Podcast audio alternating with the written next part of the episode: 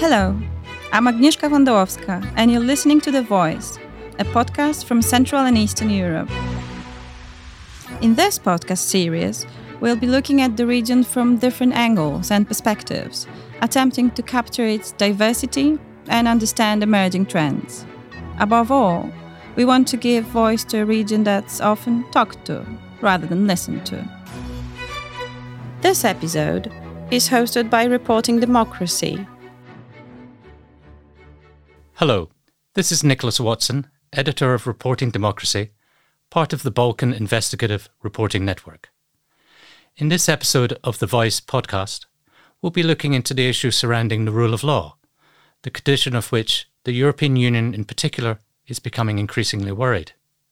Perhaps at first glance, the idea of having a podcast looking into the rule of law in the EU's eastern member states might seem a little abstruse given the brutality of what's happening next door in Ukraine.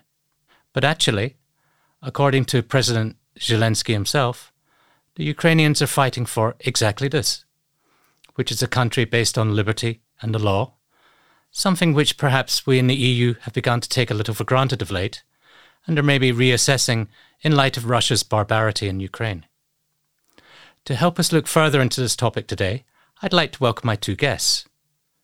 They are Stanislav Burdziej, professor in the Department of Sociology at Nicolaus Copernicus University in Torun, and co founder and member of the board of Courtwatch, a not for profit organization supporting positive changes in the Polish justice system through citizen court monitoring. Welcome to the VoiCEE podcast. Hello. My other guest is Piotr Buras, a journalist, author, and expert on German and European politics who is the current head of the Warsaw office of the European Council on Foreign Relations and a senior policy fellow at the European Council on Foreign Relations. It is Poland and Hungary which are the two countries directly in the EU's crosshairs as it seeks to reassert the bloc's fundamental values, including the rule of law. The EU Commission already had several arrows in its quiver to deal with rule of law infractions among member states, namely infringement procedures and if there was no resolution, the triggering of Article 7 of the Treaty on European Union. But in the past couple of years, Brussels has been adding new arrows to its quiver. Perhaps, Piotr, if I might start with you, a general question to lay the ground for this podcast discussion. Can you tell us what the European Commission and other EU institutions have been busy doing in this regard for the last 18 to 24 months? The Polish case, the problem of the rule of law in Poland, uh, they have triggered um, something which I would call a rule of law revolution in the in the European Union, because as you said, the EU has a number of uh, instruments to to tackle the, the, the issues related to the non-compliance with with the EU treaties or with the EU law by the EU member states, but the the, the these instruments are actually not so many, and when it comes to the especially the judicial independence, which is a fundamental problem of or fundamental principle of the um, of the EU system. Um, in the past, the European Commission didn't take any action to to defend uh, this principle, perhaps because there was no need for that, because there was no clear cases, perhaps apart from Hungary, but in other countries there were no such clear cases of violation of the rule of law principles. Poland has gone much further than any other country in the European Union, including Hungary, when it comes to the uh, demolition of the of the independence of, of judiciary. And this is why this revolutionary uh, moment was related to the Polish situation. And uh, the most, I would say, revolutionary measure which was taken by the European Commission was to start an infringement procedure related exactly to the question of judicial independence. That was that was a precedent that uh, had never happened before, and so there were a number of infringement cases uh, brought up by the by the European Commission before the European Court of Justice regarding the, the Supreme Court and the retirement of illegal retirement of judges of the Supreme Court. Uh, and then the most important, I would argue, the most important politically and factually, the most important verdict issued last year in July 2021 on the disciplinary system for judges, which is the main instrument um, in the hands of the Minister of Justice and in fact, in, in the Polish government to basically put pressure on the Polish judges. And the system, which is at odds with all principles of, of the rule of law, as we as they are defined by verdicts of courts and and and scholars, and this verdict was, um, I think, was a milestone. I mean, the, the, very the most important milestone when it comes to the to the fight for for for independence of judges in Poland and the defense um, of the rule of law in the European Union. And this verdict basically said that the disciplinary system for judges is uh, does not comply with the EU treaties and with the standards. Just just to be sure, you say disciplinary system, but maybe other countries have a disciplinary system in place, but it's this particular disciplinary system that they have a problem with.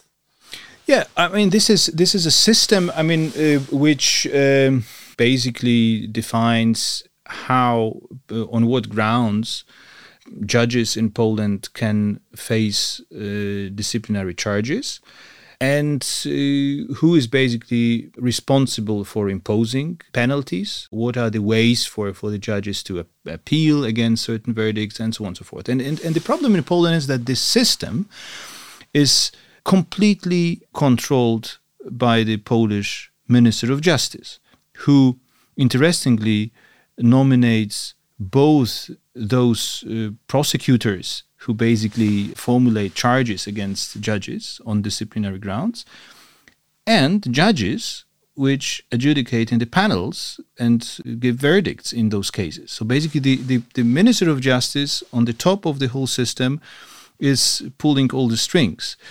Which is, of course, um, unacceptable because uh, the Minister of Justice, at the same time, the Prosecutor General in Poland, so he's the part of the executive, and in this role, he's uh, he has a say over the mm, uh, the system of basically controlling and putting pressure on judges, disciplining them, and and this system has been multiple times misused by the Ministry of Justice for political reasons, and that's why it has become subject to this infringement procedure and a major verdict issued by the ECJ in the, in in July last year.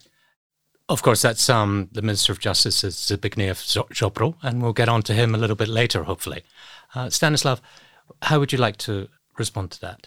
Yes, thank you, Nick. Um, Piotr, you, you, have just mentioned that, uh, in your opinion, the Polish government has went further in their demolition of rule of law than any other EU member uh, state, and I don't think that this is um, an accurate statement. Uh, consider that in 2017 there was there was a, a, very troublesome political killing in Malta, a member state, EU member state. An anti-corrupt uh, corruption uh, journalist was killed, and uh, while, while she was trying to continue her investigation of Panama Papers. A similar event took place in Slovakia 2018 when a journalist and his fiancée were, were shot by people hired by politicians uh, to uh, kill an investigation that was uh, trying to uh, document the widespread corruption there. And in the wake of this event, the whole government was changed, was replaced. Also, we, we know that Bulgaria, which has been a member state for the past 15 years, has not made any significant progress on corruption. Uh, they are having a very serious uh, rule of law issues. And of course, from my perspective as a sociologist, I, I, would say that it would be hard to claim that Poland went really further and that rule of law is it is it is always endangered. It's always fragile. It's something not to be taken for granted.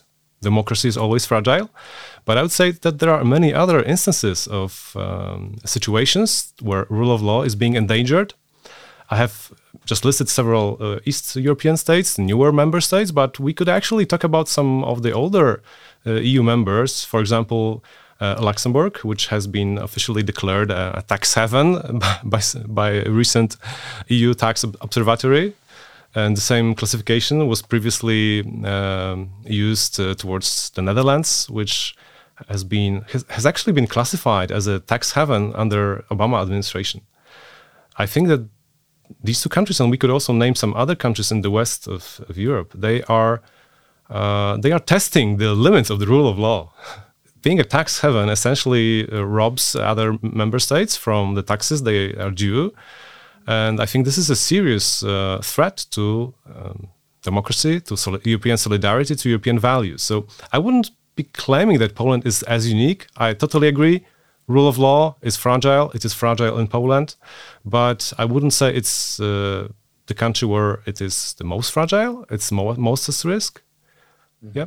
Okay, well, well maybe, maybe just sure. a very, very, very brief clarification, because of course I, I fully agree that when, when you take the, the notion of, of, of the rule of law, it, it is it, it encompasses a number of issues. So the corruption is, of course, part of it. The tax evasion is part of it, and so there's a very, very broad uh, concept, uh, and rightly so. But I think what is the real problem in Poland, and this is what I'm referring to, is the question of judicial independence. So when it comes to the judicial independence, I'm firmly uh, convinced, and I'm. This is, uh, I think, it's based on on really on, on facts that no other country in the European Union has gone so far to uh, basically strip the system of the of the systemic guarantees of judicial independence. So basically, the, the, the question, for example, can a judge be punished for the verdicts uh, he or she has issued? And this is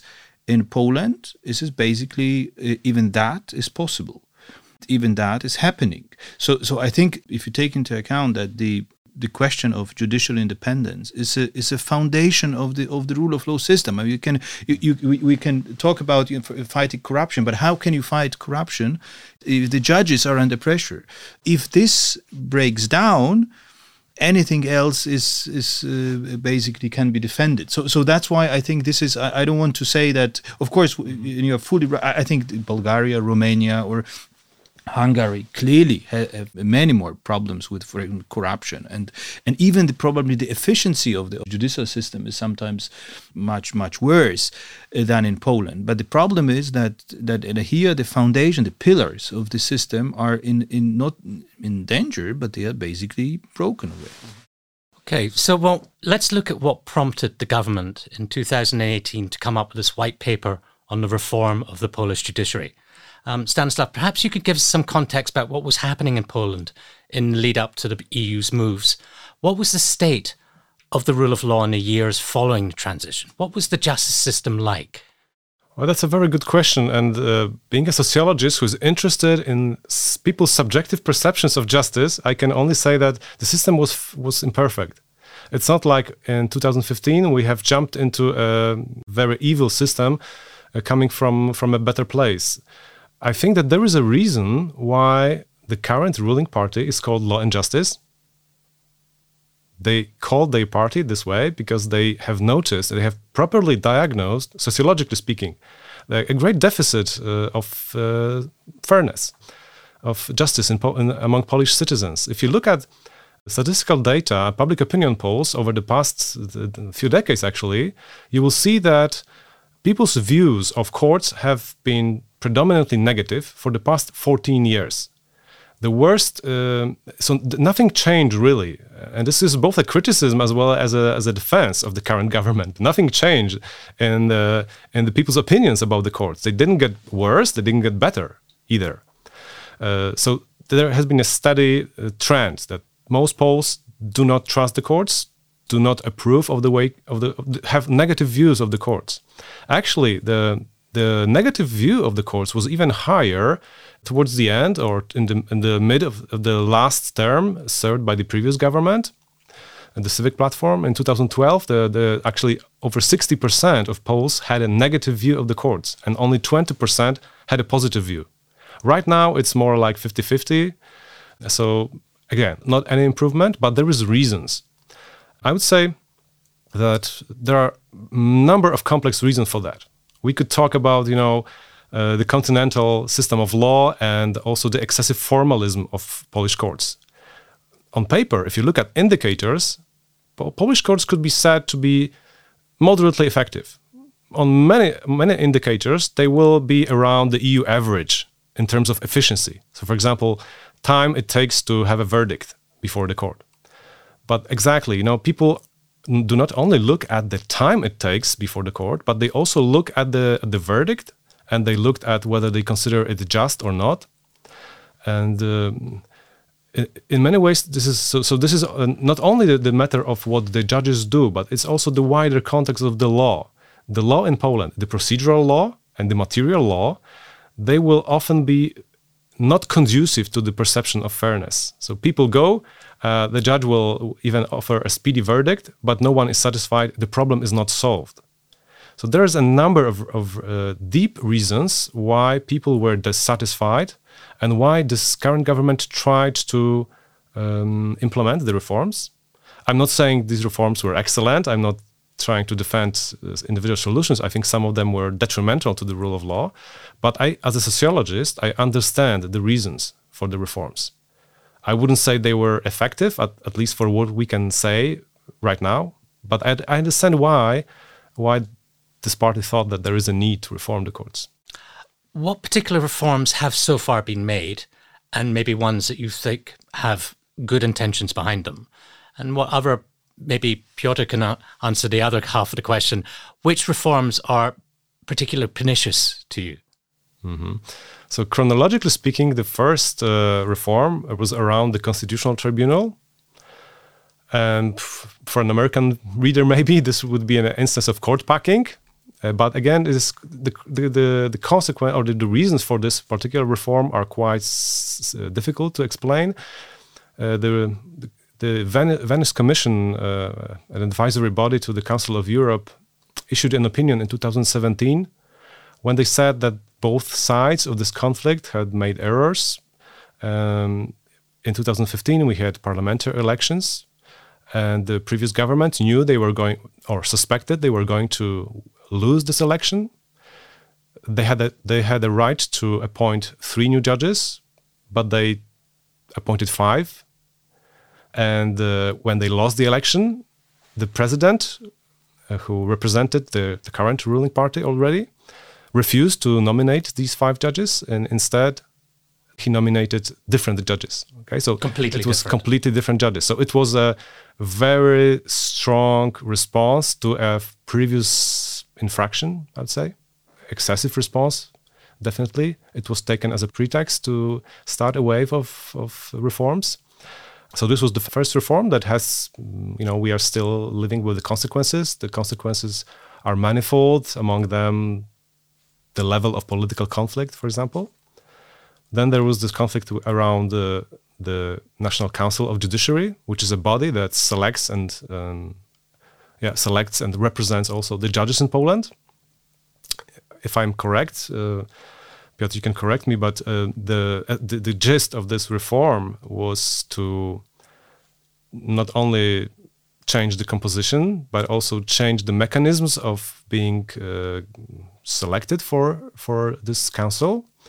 Uh, technically, the, the, the, the, a wider range of groups and people was now entitled to um, su submit candidates, uh, groups of citizens, but also judges could could now propose candidates for the for the council. And uh, there was some positive element, I would say, because even judges themselves have complained before that this body is chiefly composed of judges from the highest levels of the system, and the, the 90% of judges in the lower courts have no representation. This now became possible. But again, of course, the, the, the standing of this body, the prestige it used to have, uh, was greatly diminished in the wave of, of this of this reform. And then, of course, there came the third wave of uh, of reform connected to the Su Supreme Court, and this was both a, a, political struggle, I would say, clearly, to get rid of some of the judges who were very critical of the government, but also it contained elements which we could you know discuss. For example, this special uh, mechanism for um, reviewing judgments who became already legitimate or valid, but now they could be revised once again. And also a discipline, new disciplinary chamber to hold the judges accountable. So mm-hmm. three different reforms. Yeah. And on top of that, we could also talk about smaller reforms sometimes, uh, you know, because this, this is the, the gist of the system, the, the core of the system, these three institutions. But apart from that, we also had a number of smaller reforms of different areas of law. Sometimes they were quite positive. For example, recently I was doing a report on domestic violence in Poland. I was surprised because even feminist organizations cheered some of the some of the changes made to the mm-hmm. law. Not of, not all of them are perfect, but you mm-hmm. know it's a complex picture. Yeah. Piotr. we can talk about the various details of, of these reforms, but I think what, what, what really politically matters and, and what, what matters especially when it comes to this EU level of, of, of the of, of the discussion about the rule of law in Poland is the the fact that all those reforms have one one thing in common and, and they basically increase the mm, significantly the political role of the um, executive in the judicial system so in political influence and this is especially true for this national council of judiciary which is the key institution in poland when it comes to as, as Stanisław said, the, the nomination of judges and also the representation of judges, of, of their interests. And this uh, body is now uh, not only composed only by people Uh, mm, uh, selected by the ruling party uh, and de facto politically very close to the Minister of Justice. So basically, the the the, the counterpart in the executive. In, in, when it comes to the Polish constitution, you have the National Judiciary Council, which basically is supposed to defend the, the, the rights and, and the interests of the judges vis-a-vis the government. And then the people sitting in this council are, are, are, good friends of the of the minister of justice and, and basically appointed there by the, the parliamentary majority of the ruling party. Yeah. and also this this new body or this new old body was uh, created under the clear violation of the constitution because its term was ended uh, uh, prematurely. Uh, although the term is defined by the constitution. I think the, the, the problem, which is common to, for all these uh, the, these reforms, that they have this one common denominator that we have the increase of the role of the executive in the disciplinary system, or basically the domination of the executive. We have the National Judicial Council controlled by the government. De facto, the Constitutional Tribunal is uh, an institution which which basically is politically an instrument of, of, of, of, the government. And if you look at, even at the, at the, verdicts, they, they are always, you know, following the government's line uh, in, in, most important issues, like even uh, including the, the the question of the respect of the EU law and the EU treaties. So so I think this is this is the key problem. This this lack of uh, the politicization of the judiciary and the lack of systemic guarantees of independence, and and that's and and also you, I think you, you refer to the to the question of efficiency of the system, and and the fact is yes, I mean the the system was not in a very good shape or, uh, and, and not, not not really efficient but you know in this EU judicial scorecard which is a, a, mm, a measure, you know, how of efficiency of of, uh, of um, judicial systems, Poland were somewhere in the middle. So it was not definitely not among the best, but not even um, not not, not either uh, among the worst countries. But the problem is that this, uh, in spite of all these fundamental changes which have happened and all these, you know, seven years, it, we've been seven years in this uh, in the process of reforming the Polish judicial uh, system and nothing has changed or or basically you cannot really say that the system has improved certainly not and there are many indicators which say, say that it's even worse. So are we in a constitutional crisis in Poland? Would you characterize it as that? I would say we are in the sense that uh, the the state institutions the the public authorities including the the president of state the government and the parliament have violated the Polish constitution multiple times. And the and the key institutions mm, which we have now in Poland, like the National Judiciary Council, like the Supreme Court, like the disciplinary system for judges, the Constitutional Tribunal, they all themselves they they set up and they the way they function do not comply with the Polish constitution. And so so this is I think mm-hmm. it's a profound constitutional crisis and, and a very deep one and, and something which which will if we look into the future even if a government changes if the, it will be very difficult to put it right back because the problem is this is the, the how to square the circle how mm-hmm. to how to improve a system which is based on uh, on, on a violation of constitution without again violating the constitutional norms and values. Yeah, I, do agree that the, the, consequences are going to stay with us beyond the, the current uh, government. But I think that we've been trying to square the circle for quite a while now. And actually, imagine that in 1989, Poland was a communist country transitioning towards democracy. And this is really squaring the circle mm. because how do you preserve an independent judiciary while at the same time coming to terms with the past violations? And it's it's it's like a real uh, situation which is unprecedented in Western Europe. Maybe you could think of uh, Western Germany after 1945, perhaps. In Poland, we decided to go for a negotiated revolution, a very smooth transition with plenty of, let's say, influence left for the previous regime. This there was a conscious decision, you know, to leave the courts, not to transform them deeply, because there was concern that this would strike at the heart of the new of the new democracy. So it was decided to preserve the courts as they were, with all the problems they had under the communist regime. Um, many judges uh, were uh, were great people even then, but a number of them were responsible for, you know, uh, verdicts that were even inconsistent or illegal under the then communist law. Do, do you think maybe? Um, sorry to interrupt, but just that this might be a common problem to many of the Eastern European yeah, countries who are now part part of the EU. You know, I was once uh, meeting a delegation of Ukrainian judges and reformers of the judiciary in Warsaw several years ago, and uh, we were sort of telling them about the Polish experience of uh, tr democratic transition in the area of judiciary, sort of trying to advertise our solutions and maybe show their consequences, and they said, "No, we can't do it that way. We'll just we'll just throw it away and we'll start anew." I'm not saying they what they did is was a better strategy, but this gives you an idea of how difficult it is to to deeply reform an institution that forms the core of a democratic rule of law. Mm-hmm. It's not easy. It's like rebuilding a ship that is in full sea. Okay, um, Piotr, the EU has come up with this um, mechanism in which it can punish countries that it believes are infringing on the rule of law. Uh, maybe you'd like to tell us what this mechanism is because it's just been passed by the ECJ, it's been approved, its constitutionality, and maybe how you think it might be implemented by the European Commission.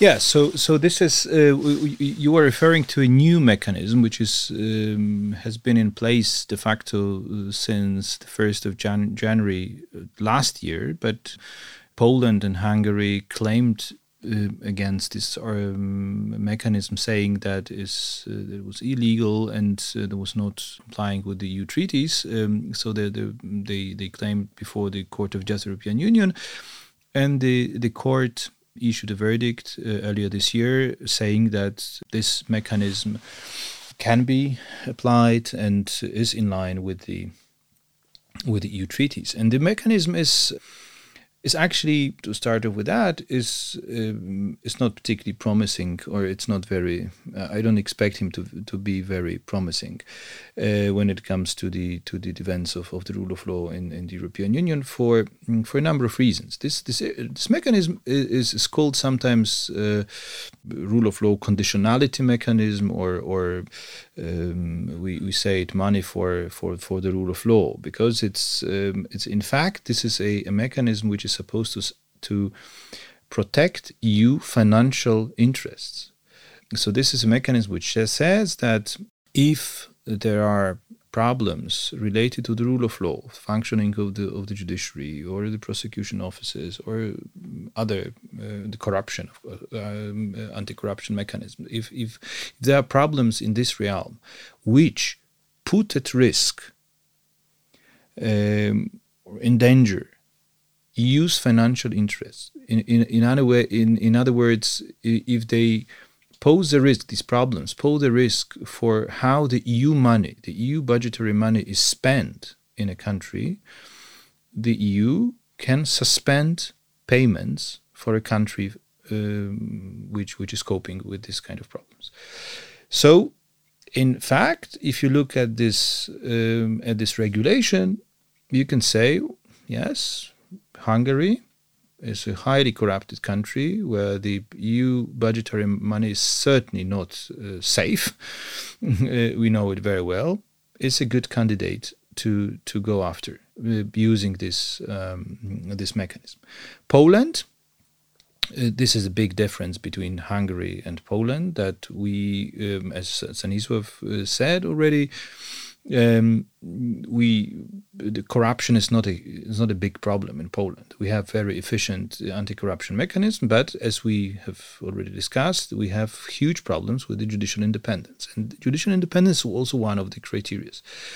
So. Uh, in, in this regulation. So we can say if in a situation like this where, where where judges are do not have systemic guarantees of independence, the commission could say we believe that if there are problems with spending EU money in Poland, if some corruption cases occur, so are we sure that the Polish judges will be able to issue verdicts independently, for example, in cases where state owned enterprises are involved?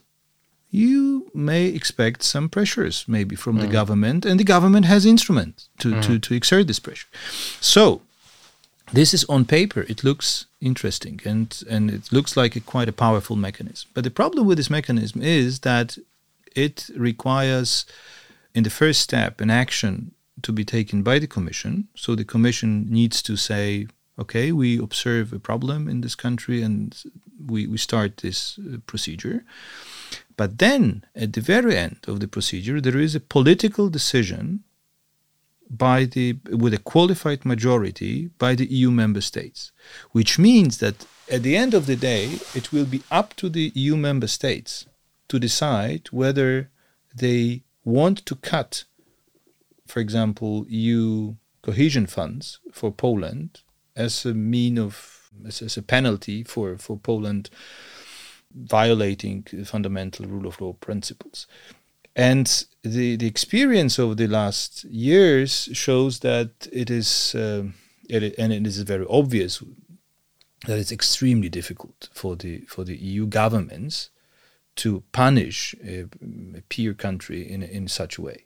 Mm-hmm. To, so for, to to vote in the EU Council um, against another EU member state because this is this is not in the DNA of, of the European Union that they do that you do such things. So I think in in in, in fact that this is a um, it might be this instrument can be a, a kind of a Damocles sword, but I don't believe it will be used in a very efficient way. Also, um, sorry, go ahead. No, I was, uh, I was, uh, I totally agree with Piotr, and I, I, I, hope that this will would not happen because at this point it would be rather a speculative step because this would be um, trying to prevent any potential misuse. But as you Piotr rightly pointed out, corruption is not a pr big problem in Poland. It is, it is a problem any, anywhere to some degree, but really it's not our major problem. And uh, I suggest that we look at uh, foreign direct investments uh, into Poland because you know investors do not like to lose their money. And much much the same way as uh, the EU doesn't want to uh, to lose their money to corruption. And I was really surprised that foreign direct investments in Poland are thriving actually, even in this difficult period of the pandemic. Poland, uh, I think, in the second half of 2020 and the first half of 2021 Poland ranked in among the top 10 countries globally for direct foreign direct investment. And even I think last uh, last year uh, in February, February, the month of February, Poland even jumped to be the, the third country globally again uh, after the United States and Spain for attracting the largest number of foreign direct investments. So I think investors are pretty pretty uh, secure. They feel pretty safe in Poland, foreign direct investment is coming to Poland. And it wouldn't be coming if there was if they were afraid that Polish uh, courts will side um, on the side of the government whether they have a dispute, maybe. Okay, so this condition conditionality mechanism is there, and there is the threat of it being used. What is the reaction of the Polish government and the Hungarian government to that threat? Are they changing their attitude? Do you get a sense that maybe there's a, a, a whiff of compromise in the air between the Polish government? And also, in the context of the war going on next door, maybe the EU is prizing internal unity in the face of this external peril.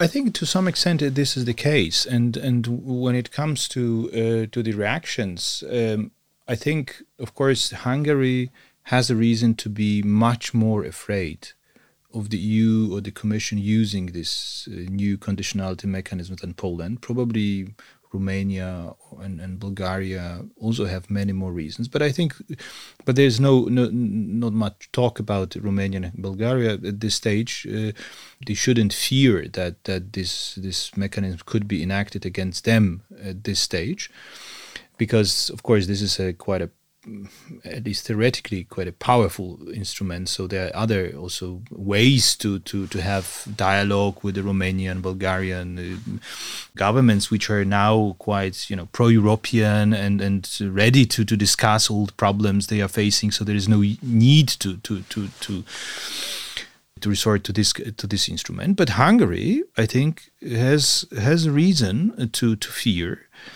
also because, as you rightly alluded to, the, the in the uh, uh, when it comes to the to the war in Ukraine and, and, and how the EU positions itself in this crisis, Hungary is an outlier, and it's now even there is an even break at the moment between between Hungary and Poland, where Poland uh, just these days boycotted a, a, a planned um, uh, meeting of ministers of defense in Budapest of the of Visegrad Four. So so there is a big crisis, big split in the in the in the in the Visegrad group even, which I think makes, for example, even an enactment of this mechanism uh, in the case of Hungary slightly more likely because Hungary is in a in a weak position now. I mean, it's it's it's quite isolated in, in the European Union. Not even Poland is openly siding with it. But the reaction is, uh, in general, I think many many countries in in, in Europe are, you know quite silent about they don't because they even even countries which have some problems with corruption they don't believe that this could be used against them at, at this stage and and better not comment on, on anything but Poland and Hungary uh, they claimed, as I said, uh, against this mechanism uh, before the uh, before the court. The, the, this claim was rejected, and uh, but they still believe that this instrument is not legitimate. Mm, and they, in general, reject any kind of interference, as they called, of the EU institutions when it comes to the especially judicial matters. And Poland issued the Polish Constitutional Court, which is, um, as I have already mentioned, de facto politically controlled by the government, issued a, a, a verdict in October last year um, in which it said that any judgments of the EU uh, highest court, the Court of Justice of the European Union, regarding judiciary in Poland or EU member states are not compliant with the uh, are not in compliance with the Polish constitution, which is a quite a uh, was a quite a remarkable uh, verdict because it basically said that the, assumed that there was an assumption that the Polish Constitutional Court can say assess the legality of judgments of the of the of, of the Court of Justice of the European Union. So that was a big big legal fight. I don't want to go into details, but but it shows that basically the pos- if you ask me about the position of the Polish government or Hungarian government, they in general reject this power of the EU institutions, especially EU Commission and the and the Court of Justice, to deal uh, in whatever way with the uh, questions of, of rule of law or especially judicial independence in the EU member state. So basically, they reject it, and this is a very uh, fundamental fight in the EU. So this is a, I think this is the most, this is the key crisis we have at the moment in the European Union. That because if we if we assume in a nutshell that the EU institutions uh, uh, do not have any say, they do, cannot assess the the for example if there is uh, if if the judges in in the EU member states which are EU judges basically because they issued ver- issue verdicts in, in matters uh, also affecting citizens in other countries if the EU institutions do not have any power to assess the legality or independence of those judges, then we can have a situation where basically, uh, you know, I don't want to ridicule the question, but that the Polish Prime Minister says that Mr. Buras is uh, is the president of, of the Polish Supreme Court, mm. although he's not a judge, he's not a lawyer, but but and and then and the EU institutions cannot say anything. They they, they can say, okay, yes, so the political scientist Piotr Buras is, is, is the president of the of the Supreme Court, and although there are no rules, nothing, you know, which formally would allow him to to perform this role. So. So I think this is a fundamental problem. Where are the boundaries between the uh, sovereignty of the of the nation states and the need for the EU institutions to have some control Um, of whether the, the fundamental principles of the EU system and legal order are protected in the EU member states. So this is, I think, this is where the where we have this battle now, also between the, the Polish and Hungarian governments on the one side, and and the other, and basically especially institutions, but most other countries on the other side. Yeah, I think you're right. Piotr, this is a wider struggle, but I wouldn't say that you have only Poland and Hungary on the one side pitch against everybody else. I think that this is a much wider confrontation. Maybe I, I don't know if I would use this word, but we have to remember that the European integration started around economic matters and it only gradually expanded to include other aspects, such as political uh, rule of law, uh, being only one of the most recently um, added um, topics to the agenda. So this is something that we've only been talking about quite recently. And there is a number of smaller countries in the United in the EU that are quite concerned about the exactly the Brussels telling them uh, whether their justice systems are okay or not. It's not only Poland and Hungary. There is a number of smaller countries who are concerned about this. Plus, as I was I was trying to uh, point earlier that it would be one thing for Poland to defer to some of this criticism, uh, but uh, we have other EU countries, including old members, who are also infringing on some of the fundamental rules. And uh, this sometimes, from the Polish perspective, uh, from from the Eastern European perspective, maybe, or from the new members' perspective, could look like double standards. So we are not doing anything with tax havens in Luxembourg and Netherlands, but we are after Poland, which basically just introduced a system which is terribly similar to the one in Germany. It's just the country has a different legal and political culture, so we trust them less. I understand this argument, but but many of the uh, solutions that we've been talking about uh, concerning the National Council of Judiciary or the Supreme Court, they are not unfamiliar in other Western European democracies. It's just they have a longer history there, they have more stable democracy. So that's why perhaps uh, we are not afraid about the rule of law there. But this exactly it looks like sometimes this looks like double standards. Mm -hmm. And I think it would be really a great idea to do something with tax havens before, before we we deprive Poland of the EU funds that now would be badly needed for addressing the refugee problem. Mm-hmm. Um, that brings us towards the end of our discussion. Thank you, gentlemen. Um, thank you very much, uh, Piotr Buras, uh, Stanislav Burdziej. Thank you. And um, to all the listeners out there, if you'd like to read more about this and other topics related to the trends and events shaping the future of democracy in Central, Eastern, and Southeast Europe, please check out the Balkan Investigative Reporting Initiative sites of Reporting Democracy and Balkan Insight. If you enjoyed today's conversation, please keep an eye out for further installments of the VoiCEE podcast, in which we'll be looking into other key issues and trends in Central and Eastern Europe including green policies, rule of law, and media freedom. The VoiCEE is brought to you by a network of independent English language media in Central and Eastern Europe. Notes from Poland, Kafkadesk, Inside Hungary, Internews Ukraine, New Eastern Europe, Reporting Democracy, Transitions, Ukraine World, and V Square. To see more content from our network of independent English language media, please visit Notes from Poland homepage where you'll find a link to the project. Thank you for listening. This was VoiCEE, and I'm Agnieszka Wondołowska.